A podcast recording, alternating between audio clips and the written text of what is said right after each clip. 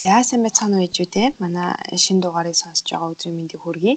Тэгээд энэ дугаартаа аа сүүлийн үед ерөнхийдөө нэлээд ээжүүдийн сонирхлыг татаад байгаа нэг номын талаар бид нэр ярилцах гэж байна. Тэгээд энэ ном маань болохоор аа би даасан хүүхэд буюу хэрхэн залхуу ээж болох вэ гэд ном байгаа. Тэгээд номын орчуулагч Солонготой бид ярилцах гэж байна. Тэгээд зочин маань манай сонсогчдод өөрийгөө танилцуулж өгөөч. Сайн байцгаана уу? намайг Солонго гэдэг. Би хоёр хүүхэдтэйгээ нөхөртөөгөө хөвсгөл аймагт амьдардаг. Тэнд нүүж ирээд удаагүй жил 3 сар орчим болж байгаа. Тэгэхээр манай ээжүүдэд бас сонирхолтой байж магадгүй л дээ. Бид нар чинь орон нутгаас хот руу шилждэг болохоос биш хотоос орон нутг руу шилждэг нь айгүй цөөхөн штэ. Тэгэхээр энэ одоо шилжилт хөдөлгөөний хувьд танай гэр бүлд болон чамд ажил төрөл амьдралт чинь гарч байгаа өөрчлөлт юу байна? Сонирхуулаад товчхон бидэнд ярьж өгөөч. Утаанаас хол төгжрлээс ангид ер нь бол их тажгүй сайхан байгаа. Тийм тэгээд одоо хотод бид нар чинь агаарт гарна гээл 2 3 цаг төгжир төгжирч яваал нэг агаарт гараал буцаал ядарсан хүмүүс орж ирдэг. Гэтэл энд ингээл нэг 5 10 минут яваал голынхаа зах дээр очиж очихдаг. Гэх мэдчлэн төгжрөл авахгүй эрүүл агаартай тийм бүх юмдаа ойрхон ер нь бол их дэжгүй байгаа шүү.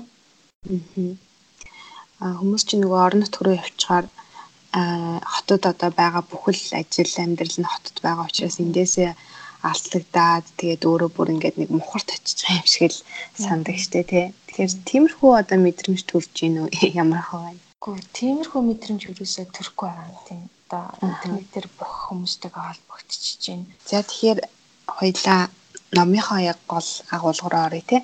А энэ ном маань зохиогчийн тухайд бас бидэнд эхлээд танилцуулж өгөөч ямар хүн байна? А юу хийдэг хүн байна? Тэгээд энэ номоо яагаад бичих болсон юм бол те. Тэгэхээр талаар нь ярьж өгөөч. Зохиолч маань хүүхдийн болон гэр бүлийн сэтгэл судлаач Анна Бекова гэдэг эмэгтэй байгаа. Тэгээд өөрөө бол хоёр хүүхэдтэй. А чичирлэг сургууль коллежүүдэд коллеж багшилж исэн тийм хүн. Тэгээд одоо ер нь л хүмүүсийн амьдралд тулгарч байгаа одоо тэр бүх зүйлийг олж хараад тэгээд энэ номоо бичсэн юм лээ. Өөр дээр нь бол гин талаар маш олон хүмүүс очиж зөвлөгөө заавар авдаг.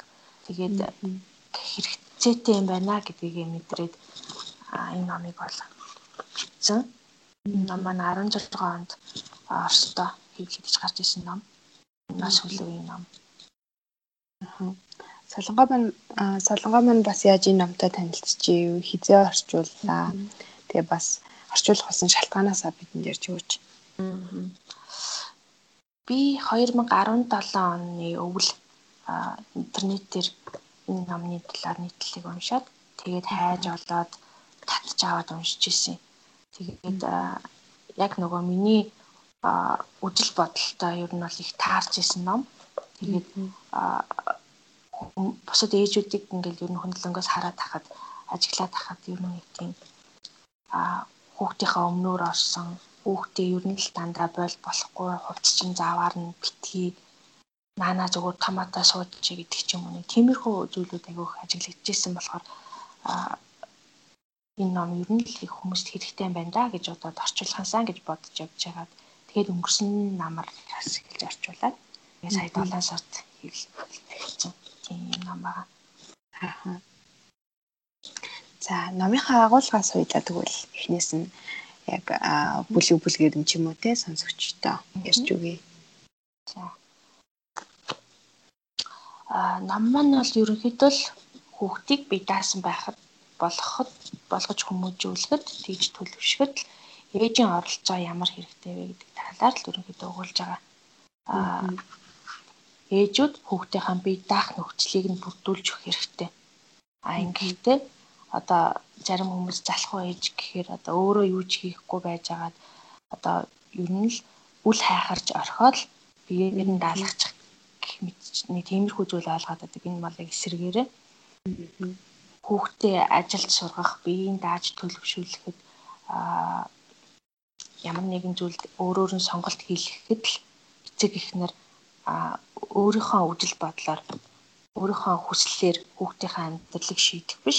Яг хүүхдийнхээ хүслээр хүүхдийгээ хүүхэд гэсэн яг хувь хүн гэдэг талаас нь авч үзээд энэ хүн ч өөрийн гэсэн үжил бодолтой өөрийн гэсэн сонголт хийх хийх ёстой тийм хүн гэсэн байдлаар л харж үзэж одоо хүүхдтэй хажуунаас нь дэмжиж тусалж зааж зааварлах энэ талаар л гардаг ном энэ талыг л одоо аль болох илүү хүмүүст ойлгуулахыг хичээсэн тийм ном байгаа. А энэ номыг яг хүмүүс надаас асууж илээсэн л та. Монголын хөрсөн дээр хэр бууж байна гэд. Энэ маань бол яг нэг тийм сургалтын гарын авлах юм уу те? Тийм ном бол биш.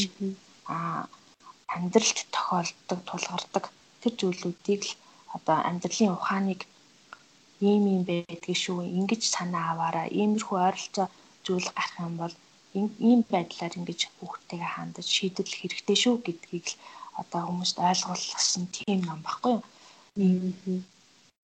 Тэгээд эцэг их хүүхэд хоорондоо ямар нэгэн хоорондоо хамааралгүй байх талаар өгүүлдэг. Хүүхэд ба наадгүйгээр би хүүхэдгүйгээр амьдралд маш хэцүү юм байж чадахгүй гэдэг биш. Хүүхэд маань наадгүйгээр ч гэсэн маш сайн байж чаднаа. Миний хүү яг чадна гэд хүүхдэд итгэх хэрэгтэй, өөртөө ч итгэх хэрэгтэй. Өөрийнхөө одоо ээжүүд маш их айцтай байдаг шүү дээ. Яна хүүхд маань ингэчих вэ, цэцэрлэгт яваад одоо хүүхдүүдтэй муудалчих вэ, багш нь ингэчих вэ, яана гэл агиух тийм сэтгэлийн төгшүүртэй байдаг. Энэ төгшүүрийг төгшүүрээс л өөрийгөө ангид байлгаад аа хүүхдэд итгэх хэрэгтэй гэдгийг бас энэ номон дээр одоо ойлгуулахыг хичээж байгаа. Аа дээрэс нь аа одоо ээжүүд сургуульд явдаг хүүхдийнхээ бүх хичээлийн хуваарийг бэлтдэг ч юм уу те. Ингээд аа за хүүхдийнхээ өмнөөс бүх юм хийгээд байна гэсэн үг шүү дээ. Хичээлийн хуваарийг ялгаад одоо маргааш зургийн хичээлтэй байна. Чи будгаа ягаад цөөхөндөө хийсэнгүү вэ гэх юм уу те. Иймэрхүү байдлаар бүх зүйлийг нь өмнөөс нь хийгээд тах юм бол хүүхэд өөрөө дараа нь том болоод хариуцлага хүлээх чадваргүй болоод эхэлжтэй. Хариуцлага хүлээх чадваргүй хүмүүс яадаг вэ гэхээр өөрөө ерөөсөө хийж байгаагүй эцэг их өмнөөс нь хийж исэн учраас ямар нэгэн буруу зүйл алдаа тогтогдол гарлаа гэхэд тэр алдааг бусдаас хайгаад эхэлжтэй. Өөр дээр юм санахгүй. Тийм. Хүүхдээ ийм болгохгүй тулд ээж нар одоо залхуулах хэрэгтэй болчихж байгаа юм л да. Аа. За тэгээ номынхоо бас яг нөгөө гарчгууд бүлгүүдээр нь бидэнд таймлоо товчхон танилцуулаад яваач. Яг ихний бүлэг, хоёр бүлэгт одоо юу байна те гол агуулга санаанаас нь. За нэгдүгээр бүлэг болохоор ер нь би яагаад залах вэ болох хэрэгтэй юм бэ гэдэг талаар харна. Тэгээд зохиолч маань өөрөө залах үеж яаж боссон тий яг өвсөн тухайгаар нь. Би өөрөө үнэхээр яг би даасан хүмүүс үү? Хүүхдээ би даалахын тулд би өөрөө эхлээд одоо би даасан хүн байх хэрэгтэй болчихж байгаа байхгүй тийм болохоор ээжүүд өөрсдөө өөртөөс эхлэх хэрэгтэй гэдгийг эндээс харж байна а би даасан хүүхэд ба эцэг ихийн төгшүүр гэж байгаа. Би төгшүүрийг түрүүн ярьсан тийм тийм ингээл хүүхдийнхээ өмнөөс айгаад яачих вэ ингэчих вэ ихийн төгшүүр байсаар байгаа цагт хүүхэд ерөөсөө бие дааж чаддгүй байна гэдгийг энэ дээр гаргаж байгаа. Хараа хяналтын тухай гэж. Энэ бол зүгээр хүүхдийг одоо ямар нэгэн зүйл хийхэд нь бол битгий гэхээсээ илүүгээр хажууд нь харж хандж агаад хийх юм бол хүүхэд одоо өөрт таарсан тэр дадал зуршлаа дадал зуршлыг бий болгож идэг алдаанаасаа суралцж идэг. Аа эцэг эхчүүдийн зохиол хүүхэд бизнес төсөл гэсэн нэг тийм гарч байгаа л да. Энэ маань болохоор одоо яг бид нар хүүхдтэй болохоос эхлүүлээд би хүүхдээ ийм болгоно, ийм байлаа төр хичээлбэл төгөлдөр хуураар тоглолтог болгоно, чудаа болгоно, бүх болгоно гэдэг аюух нөгөө өөрийнхөө нөгөө нэг хийж чадаагүй ч юм уу, өөрийнхөө тийм хүсэж мөрөөддөг эсвэл бусдын амжилттай байгаа тэр одоо зүйлүүдээр хүүхдээ хичээлүүлэхийг хүсдэг. Тэгээд энэ дээр бол таны хүсэл хүүхдэд бол хамаагүй. Хүүхэд өөрийнхөө хүслээр өөрөө юунд дуртай байна. Тэрэнд нь одоо явуулах хэрэгтэй. Одоо өөрөө өөрийнхөө одоо хүслийг тарах хэрэгтэй. Хүүхэд одоо хэдийгээр таны үргэлжлэлч гэсэн заавал таны хүслээр амьдрах албагүй. Тэр хүн ч гэсэн өөрийн гэсэн амьдралд өөрийн гэсэн одоо хүсэлтэй гэдгийг л энд харуулж байгаа юм л та. Тэгээд хүүхэд өөрөө хувцлах дургу бол яах ёстой вэ? Хүүхэд хөтөч хөтөвчөн дээр суух дургу бол ер нь яах ёстой вэ гэх мэт энэ одоо хөрхэн жишээнүүдийг нэгдүгээр бүлэг дээр гаргаж өгсөн байгаа. За хоёрдугаар бүлэг дээр болох юм бол хүүхдэд байх ёстой энгийн чадварууд ямар ямар чадвар байх ёстой юм бэ юу юм те хүүхэд би даа тоглож чаддаг байх ёстой хүүхэд өөрөө хоолоо идтгүү бол ээж яах ёстой вэ те өөрөө унтах ээж өөртөө цаг гаргах хэрэгтэй. Хүүхэд шинэ орой болтол унтахгүй юу байгаа байвал юу хийх вэ те тусдаа унтуулахын тулд яах ёстой вэ? Тоглоомоо хурааж сурахын тулд яах болох вэ? Яах вэ? Болох болохгүйг яаж ойлгуулах вэ? Гэх мэт. Хоёрдугаар бүлэг дээр гарч байгаа. За гуравдугаар бүлэг маань болохоор бие даахан төлөвшлийн хэлбэр гэсэн сэдвтэй хүүхдийг хэрхэн дуулууртай болох вэ? Энэ маань болоод би чамд хэд хэлэх вэ? Тэ чи нэг нэг хэлээд л сонсч чадах уугүй юу гэж хүмүүс аяга хүүхдэд загнадаг шүү дээ. Аа. Тэхийн тулд ер нь эцэг эхчүүд яах ёстой юм бэ өөрөө л нэг хэлэх хэрэгтэй юм лээ. Өөрөө л нэг хэлээд ойлгоо. За тэгээд хүүхэд юугаар ч хичээлэхгүй гэвэл яах вэ? Өөрөө найзаа сонгох уу? Би даасан байдал ба ёс суртах уу нэг зэрэг хөгжүүлэх ёстой. Ямар нэгэн асуудал гарвал тэр асуудлыг хэн шийдэх вэ? Ээж нь өмнөөс нь шийдэд байна уу? Хүүхэд асуудлын гаргалгааг олоод өөрөө шийдэд байна те? Ажил сурах. Нэр хүүхдийнхаа нас насанд нь тохирсон ажилд сурах хэрэгтэй. Энэ цаашлаад бүр том болоод хүүхдийн карьерт яаж нөлөөлж болох вэ тийм амжилтанд нь яаж нөлөөлж болох вэ хүүхэд хүүхдээ сургуульд орсон хойно залах үйж болоход ороодох уу гэж байна. Тэгээ энэнийхээ хариултыг авч болно хүн хизээч тий хүссэн үедээ л хүн залах үйж болох боломжтой. За бие дагаагүй өсвөр насны хүүхэд гэж байгаа. Хүүхдэд хизээ хэрхэн хариуцлага өргөх вэ? гин буруу ба хариуцлага одоо хүмүүс хүүхэд нь ямар нэгэн буруу зүйл хийлээ гэхэд шууд л загнаад тий чи яаж байгаа юм чи? Яг одоо уучлахгүй. Чи яасан муу хүүхэд вэ гэж шууд нөгөө хүүхдээ буруутгаад хэлдэг. Тэгэнгүүт хүүхэд маань би буруутай би муу хүүхэд юм байна юм байна гэсэн одоо тэр бодолтой болчдөг өөрөө өөрөө ч мэдлгүй ингээд тийм болчдөг Ингээд ирэхээр энэ хүүхдийн сэтгэлзүүд маш хүчтэй нөлөөлдөг юм байна л да. Аа гэх ингэхгүйгээр яагаад чи ийм зүйл хийж юу? Хэрвээ чи энэ хүний оронд байсан бол ийм үйлдэлийг яаж хүлээж авах байсан бэ? Чи өмнө оронд байсан бол яах байсан бэ гэх юм уу? Тиймэрхүү харилцаа яриа маш сайн ойлгуулж тайлбарлах юм бол хүүхэд эннийхээ алдааг ойлгоод дараа нь тэрэндээ маш хариуцлагатай ханддаг болчдөг хийж байгаа үйлдэлийнхаа үр дагавар нь юу байж болох вэ гэдгийг хүүхд өөрөө мэдж байна гэдэг маань энэ маань хариуцлагатай болж байна гэж ойлгож болно. За тэгээд дасгалжуулалтын аргаар хүмүүжүүлэх дөрвөн үе шат гэж байгаа. Энэ бол маш сонирхолтой нэг үе шат үзээрэй та нар. Аа тэгээд хүүхдийг чиглүүлдэг шидэт асуултууд гэдэг. Энэ бол маш сонирхолтой. Одоо нар ээж аваасаа ямар нэгэн зүйл авч өгөөч гэж аяг шалдаг штеп. Дэлгүүрт орохороо заавал тийм аавна гэж ойлгох ч юм уу те. Энэ тохиолдолд ямар арга хэрэглэх вэ те. Одоо дэлгүүрт ороод чи хоёрхан төрлийн амттай аавна гэж тохирлож байгаа.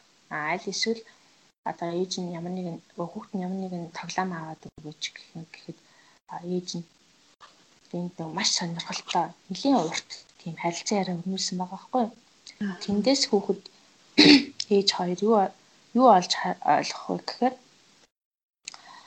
энэ тоглоом үнэхээр надад хэрэгтэй юу? Ямар үн цэнээр авч гин тэ гэд маш ингээд ухаж төнхөөд харилцан яриад ингээд тахаар хүүхэд тэндээс маш олон зүйлийг ойлгож сурч авч идэг. За тэгээд хамгийн сүүлд нь санхүүгийн сахилга бат гэдэг юм сэдв юм ингээд 3 дахь бүлэг нийт ингээд 3 бүлэгтэй байгаа. Тэгээ санхүүгийн сахилга бат нь бол ер нь хүүхдийг аль болох багаас нь санхүү санхүүгийн сахилга батад сургах хэрэгтэй. Ер нь л энэ бол бараг хүн болгонд хэрэгтэй л сэдв гэж би боддөг шүү дээ. Одоо яг номын хувьд санаа аваад өөрийнхөө амьдрал дээр хүүхдүүд дээр хэрэгжүүлсэн жишээнүүд байгаа юу? Байгаа. Аха. Тэр одоо туршлагуудаасаа ярилцъя хоёлаа. Аха. Манай том хүү 3 настай. Тэгээд баг маань ой 4 сартай байхгүй. Тэгээд миний хамгийн ихэнд хэрэгжүүлсэн одоо номноосоо хэрэгжүүлсэн зүйл маань юу гэхээр тусад нь унтуулах, өөрөөр нь унтуулах гэсэн энэ хоёрыг хамгийн түрүүнд хэрэгжүүлж ирсэн. Аа баг охиноо болохоор хөтөвчөн дээр суулгах тэгээд бас нөгөө мемгүүгээр унтуулах тий өөрөөр нь унтуулах гэдгийг яг 8 сартаад нь хэрэгжүүлж исэн. Би болохоор хөвчлээ нөгөө булчин сулж тайвшруулах гаргаж ашигладаг. Хэвтүүлээд ташаан дээр нь гараа тавьжаад зөвлгөөн ганхуулж хөдөл. Тэгэхээр манай хүүхдийн урд унтчихдаг. Тэгээ мемэдгүүгээр унтчихна болох унтчихдаг болохоор их надад их амар байдаг. Аа тэгээд том хүү маань болохоор аав нь унтуулахдаа хөвчлэн нөгөө амьсгал чигтлэх аргыг ашигладаг. Аа амьсгалаа эхлээд хүүхдийнхээ амьсгалтай аав нь амьсгалаа нийлүүлээд амьсгалж аваад сүүл рүүгээ ингээд гүнзгий удаан амьсгал руу шилжчихэр хүүхэд дагаа шилжчихдэг. Тэгээд тайвшраад ингээд яг урд унтчихдаг. Аа хөтөвчөн дээр суулгах аргыг бол би охиныгоо 8 сартай багтны хийжсэн. Тэгээд номон дээр зөвлөгөө маань ерөөдөө аль болох хүүхдийн нүдэнд ил харагдах газар байлга. Аа тэгээд заавал нэг хүчээр биш аажмаар энд суугаад би засах ёстой шүү гэдгийг нь ойлгуулад аа тэгээд өмдөндөө ч юм уу ингээд шалан дээр шийж би засах ингээд тохиолдолд ингээд аашил загнахгүйгээр буруутгахгүйгээр энэ татвар шийх ёстой шүү гэдгийг л сайн ойлгуулчих юм. Тэгээд тэрийг нь ойлгуулчих юм бол хүүхдийн урд нь суучдаг юм лээ. Аа тэгээд тоглоомоо хураах аргууд байна. Энд тэр хөөхөн тоглоом хураах хөөх хөөхөн юм түүхүүд байгаа. Тэрнээс ингэж харж агаад заавал яг дуурах биш. Тэ адилхан тийм түүх зохиогоод ч юм уу тэ тэгээд хөөхөн хүүхдүүдийг тоглоомыг хураалгаж сургадаг. Одоо манай хүүхд машинуудаа ингээд тараагаад тавьчихаар орой олгоо тоглоомоо хураа машинуудаа хураагаарай гэртээ орохгүй бол дааран шүү гэхээр айгүй хөрх ингээд зэрэгцүүлээ тоглоомнуудаа хураагаад дээрээс нь ингээд ямар хурцчдаг байхгүй. Тэгээд хөрх ингээд яаж тийм чигчил чинь хогоо хайна аа хайгаа хураан. Тий юм хайгаа ингээд юм хураан. Дүүгийнхаа өмд гуталтай юм ингээд чигтэл тавин гих мэдчлэн. Иймэрхүү харахад татлуудад сургаж байгаа. Аа тэгээд цаашлаад одоо бүр жоохон томроод ирэхэд нь бүр багаас нь энэ санхүүгийн сахилга бат өөрөө гэдгийг тий зүйлүүдэд тий сурах юм. Гэсэн тийм бодолтой байгаа. Аа манай ээжүүд чинь өөртөө цаг гаргамаар байна. Яаж гаргаж сурах уу гэж айгүй их ярьдаг штэ. Тэгээд яг ингээ гаргая гэд хэрхэн цагаа хүүхдийнхаа урдуур юм хийсээр байгаа л одоо ерөнхийдөө бараг зарцуулсан байдаг тий. Тэгэхээр бас яг номон дээр одоо зохиогч маань салхуу ээж болсноороо өөрт нь яг ямар ямар одоо эерэг таатай үр дүнгууд гарсан гэж бичсэн байдаг байна. Яг өөрт нь яг таатай гэхээсээ илүү нэг хүүхдийнхэн л одоо зөв хүн бол төлөвшөлт нь л хөв нэмэр оруулж байна гэж үзэж байгаа. А яг өөрт нь гэх юм бол ээжийн цаг гэж байх хэвээр. А ихэнх ээжүүд хүүхэд унтсны дараа ээжийн цаг гэж цаг эхэлдэг гэж боддог. Тэр бодолтой бүр ингээд яг итгэчихсэн байдаг. гэж бичсэн байгаа байхгүй юу? А гэхдээ заавал ягаад хүүхдийн амьдралаар амьдрах ёстой юм бэ? Тэ? Одоо зохиолчийн хувьд маань бол ээжийн амьдрал ээжийн цаг орой 9 цагаас хойш эхэлдэг гэж байгаа. Өөрийнхөө хийх дуртай зүйлээ хийдэг. 9 цаг болохоос өмнө ном үлгэр уншуулах нь уншуулсараа тий гэж хэлэхэд хүүхэд а 9 цагаас өмнө ээжээрээ үлгэр уншуулах дуртай байгаа маа намаа авчраад үлгэр уншуулдаг. А тэрнээс хойш ээжигээ ерөөсөө ингэж чаргууцалдгүй гэх юм уу те ээжигээ дуудаад янз бүр одоо ийм хэрэгтэй байна, тийм хэрэгтэй байна гэдэг асуудал ерөөсөө гардаггүй гэж бичсэн байна лээ. Тийм. Тийм болохоор аль болох яг тийм тэдэн цагаас хойш миний цаг. Ингээд тэрийгэ хүүхдүүдтэй ч юм уу те гэрийнхандаа маш сайн ойлгуулчих юм бол заавал нэг хүүхэд унтсны дараа би өөрийнхоороо байна гэд байх шаардлагагүй. Хэрэв хүүхэд нь унтахгүй бол айгүй хэцүү шүү дээ тий. Аа. Яг тэр цагт нь унтахгүй байгаад юм бол ээж өөрийнхөө яг хийхийг төлөвлөсөн зүйлээ хийж чадахгүй болоод тэр нь хийж чадахгүй болоод ирэхээр бухимд нь бухимдгаараа хүүхдээ уураа гаргах ч юм тий. Гэх мэт л ингээд цаашаа а одоо асуудал дэврээ дэврээд явчихдаг. Тийм болохоор анханасаа бүх зүйлийг яг ингээд ийм тэн цаг тийм тийм гэд ингээд ичих юм бол их зүгээр юм шиг надад санагдсан. За ерөнхийдөө миний сонирхож байсан асуултууд маань дуусчлаа. Тэгээд хоёлаа подкастынхаа төгсгөл бас солонгоо маань өөрөө би таас өгөхөд гэж яг юу юу гэж боддгийг өөрийнхөө үзэл бодлоос бидэнтэй хуваалцаач. Бас адилхан ээжүүдтэй хэлье гэж боддог зүйл байвал мөн хэлж болно. Аа. Би таас өгөхөд гэдгийг би өөрийн хүсэл үзэл бодолтой орон зайтай өгөхөд орон зайтай тийм хүн л байх хэрэгтэй. Хүнийг би одоо би даасан байна гэж үзэж байгаа. Одоо хин нэгний үгнээс хамаарахгүйгээр тий хин нэгний нөлөөнд автахгүйгээр өөр ингэсэн үзэл бодолтой. А гэхдээ дээрэс нь энэ дээр юу нэмэгдэх вэ гэхээр бусдын орон зайг хөндлөх, бусдад хор учруулахгүй байх. Бусдад халдахгүй байх. Ийм байж чадах юм бол яг би таасаа хөвгт. Би таасаа хүн болж төлөвшөж байна гэж ойлгож болно аа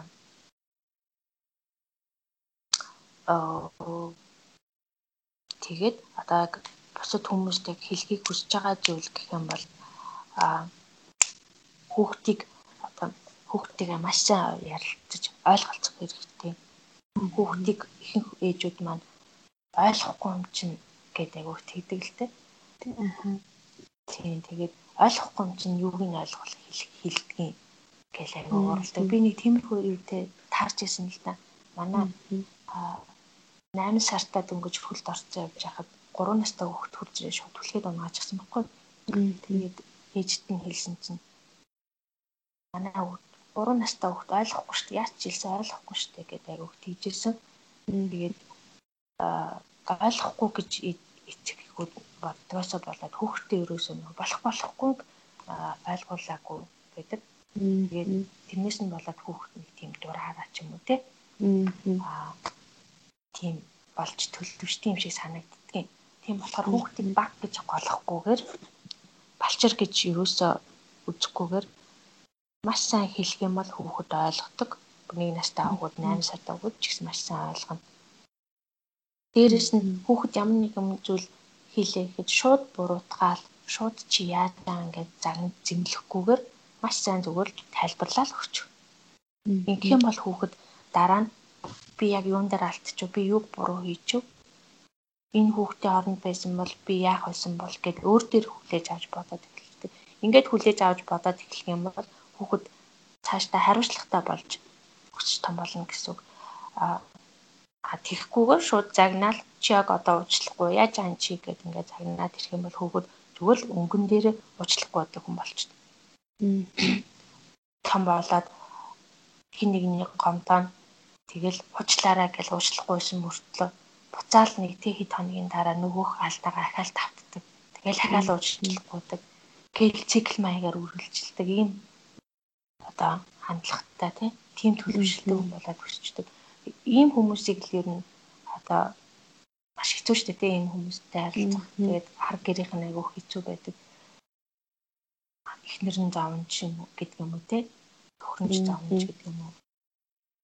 Ийм хүмүүсийг аль болох одоо багасгая бүгдээрээ те?